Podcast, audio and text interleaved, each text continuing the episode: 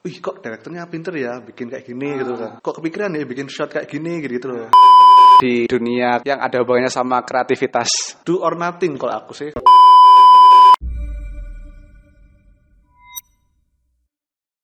Halo semuanya, hari ini aku lagi ketemuan sama salah satu temanku yang ada di Malang yaitu Buah Durian. What's up? Weh, nah, jadi Instagramnya Buah Durian, panggilannya biasanya Rian, biasanya Bay. Rian ini temen kuliahku dulu di Macung, jurusan DKV, Desain Komunikasi Visual, angkatan 2015. Aku dulu teknik industri, tapi kami kurang lebih suka sama yang hubungannya sama video, konten atau foto mungkin.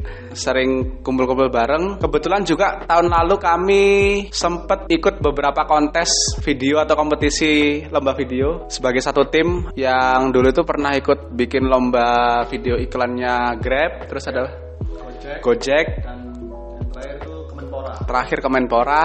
Dan alhamdulillah yang Kemenpora kami prestasinya lumayan bagus dapat juara tiga tingkat nasional.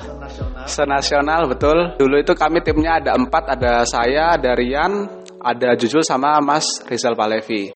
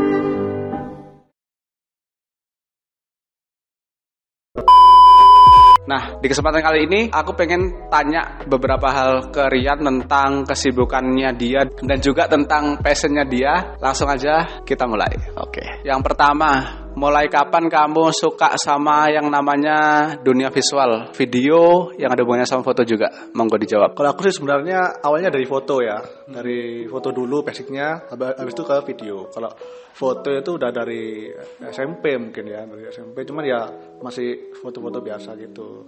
Dulu emang ngikuti masku, masku dulu fotografer. Nah untuk video itu malah awal masuk kuliah.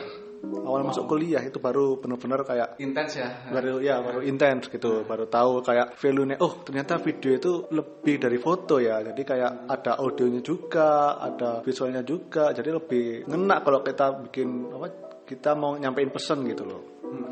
Jadi kalau aku sih itu sih. Kan aku tahu juga maksudnya salah satu keunggulan dan potensimu itu waktu bikin video adalah di kualitas teknis yang rapi dan juga visualnya tuh enak dilihat. Nah itu karena apa? Karena kamu emang dari dulu suka ngulik atau ada ciri khas sendiri dari kamu? Kalau suka ngulik itu benar juga ya. Ya mungkin aku nggak kayak misalnya kayak misalnya nonton acara TV atau kayak drama, film dan lain-lain yang berhubungan dengan visual itu mungkin kayak orang lain oke okay, lihat toh ya. Cuman aku kayak kadang-kadang aku mikir gitu loh wih kok direkturnya pinter ya bikin kayak gini gitu kan kok kepikiran ya bikin shot kayak gini gitu, gitu loh nah itu mungkin aku beda kayak orang lain kayak aku, aku suka kayak nge-review gitu kayak visual-visual mungkin dari situ ya aku jadi kayak pas gitu bikin konten gitu kok enaknya lebih dari dari angle sini deh. Hmm. enaknya scene dibuat kayak gini deh biar lebih ngerasa gitu.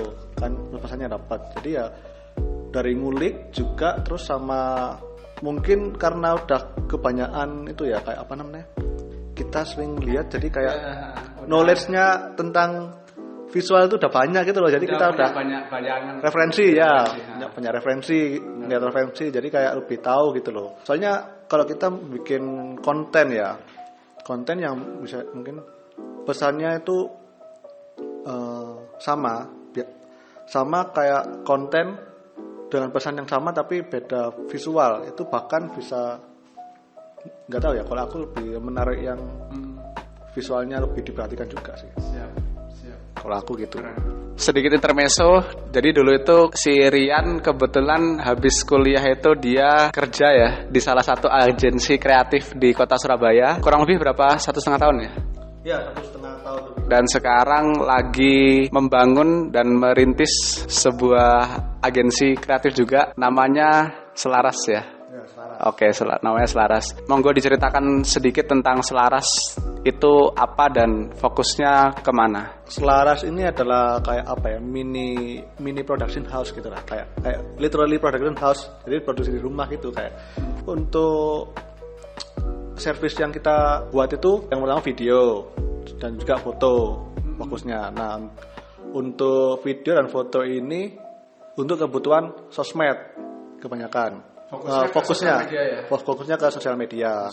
Jadi kayak mungkin ada brand yang butuh foto produk buat sosmednya, bu- buat Di Instagram ya bisa. eh, misalnya video buat campaign eh, untuk sosmednya brand-brand itu bisa di kita. Jadi karena ya pengalaman di agensi itu kan jadi kita punya Iya. pengalaman Jadi punya bikin terus ya di- kayak gini-gini itu. Kenapa kok namanya Selaras? Monggo bisa dijelaskan alasan dan filosofinya mungkin. Waktu kita sebelumnya mau bikin ini itu mikir-mikir enaknya namanya apa ya gitu. Karena mungkin pengalaman dari agensi juga terus supaya lebih bermeaning ya kan bingung. Aku pingin tuh kayak production house ini itu sama klien itu nanti bakal sebenarnya bisa jadi satu gitu loh entah ide dan juga outputnya Enggak Nah. banyak enggak banyak gap lah nggak nggak banyak gap dan juga nggak crash gitu loh jadi wah gimana kalau namanya selaras saja jadi supaya nanti ide dari klien dan juga ide dari kita bisa diselaraskan sehingga kalau ide dari klien dan ide dari klien selaras ya kan? Terus nanti pasti hasilnya maksimal gitu loh. Kalau ide dari klien sama kita nggak selaras tuh mau diterusin bisa juga cuman jadi nggak maksimal. Tapi kalau udah dua-duanya udah selaras gitu kan dan produksinya udah selaras juga pasti ya maksimal gitu loh. Jadi ya itu asal dan lebih sesuai sama ini yang yang dimau ya berarti ya. ah ya. Ya itu itu asal mulanya sih. Kenapa namanya selaras gitu. Kenapa kok kamu memilih bertahan di dunia yang ada hubungannya sama kreativitas? do or nothing kalau aku sih. Karena dari dulu emang gak kayak orang-orang yang biasanya kayak ekspor ke ini nyoba ke ini nyoba ke ini gitu kan. Aku dari dulu emang jalurnya udah ini terus gitu kayak entah visual vi- foto video ya dari dulu udah ini terus gitu loh jadi kalau selain nyoba selain ini ya gak tahu juga gitu loh jadi yang mending kayak Dari awal udah fokus ke situ berarti ya? Iya, jadi kita udah tahu jalan nih, ya kan? Nah, bagian orang kan kayak nyoba jalan ini supaya, supaya tahu lebih baik ya kan, jalan ini. Nah, aku ini udah ada, ada satu jalan yang seret gitu loh. Nah, kalau mencoba nyoba kok mending gak usah lah, karena mending satu jalan ini terusin gitu loh. Di ditinggiin, dikayain gitu ya. Ah. Di, di- dimaksimalkan. Ya benar. Jadi ya, ya itu alasanku kenapa masih bertahan di dunia kreatif gitu karena emang ya aku juga suka juga gitu loh mau gimana lagi gitu loh. Dan kamu passionnya juga di sini ya? Nah itu makanya ketika kerja sesuai passion tuh ya lelah pasti pasti lelah. Tapi yang penting adalah kita nggak cepet bosen gitu terus kayak Selalu excited lah ya? ya selalu excited. Jadi ketika mau ngulang lagi kalau nam- namanya juga sesuai passion ya ya gimana ya suka. Ya kalau aku sih itu sih. Apa sih goalmu ke depannya di bidang kreatif ini secara pribadi? Aku pingin sukses di ini sih di dalam PH ini sih di Selaras. Jadi pokoknya aku pingin Selaras ini sukses lah. Paling enggak ada banyak klien dan juga bisa gimana ya? Aku bikin Selaras ini Selaras ini juga sebagai penyaluran hobi gitu loh, passion gitu ya. Jadi ya untuk ke depannya sih tujuanku adalah pokoknya memajukan Selaras ini sih. Sementara ini untuk di bidang kreatif loh ya. Mungkin nanti di kesempatan lain berkesempatan lagi untuk kolaborasi entah bikin karya bareng mungkin ya pasti. Terus ini kan mungkin di sini beberapa penonton atau audiens ada yang baru mulai terjun di dunia kreatif atau baru yang mulai suka video, foto, konten. Apalagi sekarang kan nggak jauh-jauh dari yang namanya dunia digital ya atau digital marketing. Ada tips atau saran nggak sih buat mereka? Kiat-kiat mungkin buat teman-teman yang nonton. Bagi kalian yang baru mulai terjun ya di dunia kreatif ya sebenarnya nggak masalah. Kayak nggak ada kata terlambat gitu loh ya. Kayak emang kalian nemunya passionnya saat ini ya nggak masalah juga gitu. Kalau dari aku sih tipsnya konsisten. Jadi biasanya kalau awal-awal beginner ya kan lagi mulai terjun itu pasti kayak kok ternyata responnya nggak sesuai harapan ya nggak sesuai ekspektasi gitu loh. Gimana ini? Ah nggak usah nggak jadi lah itu. Sebenarnya nggak apa-apa. Terusin aja konsisten aja terus.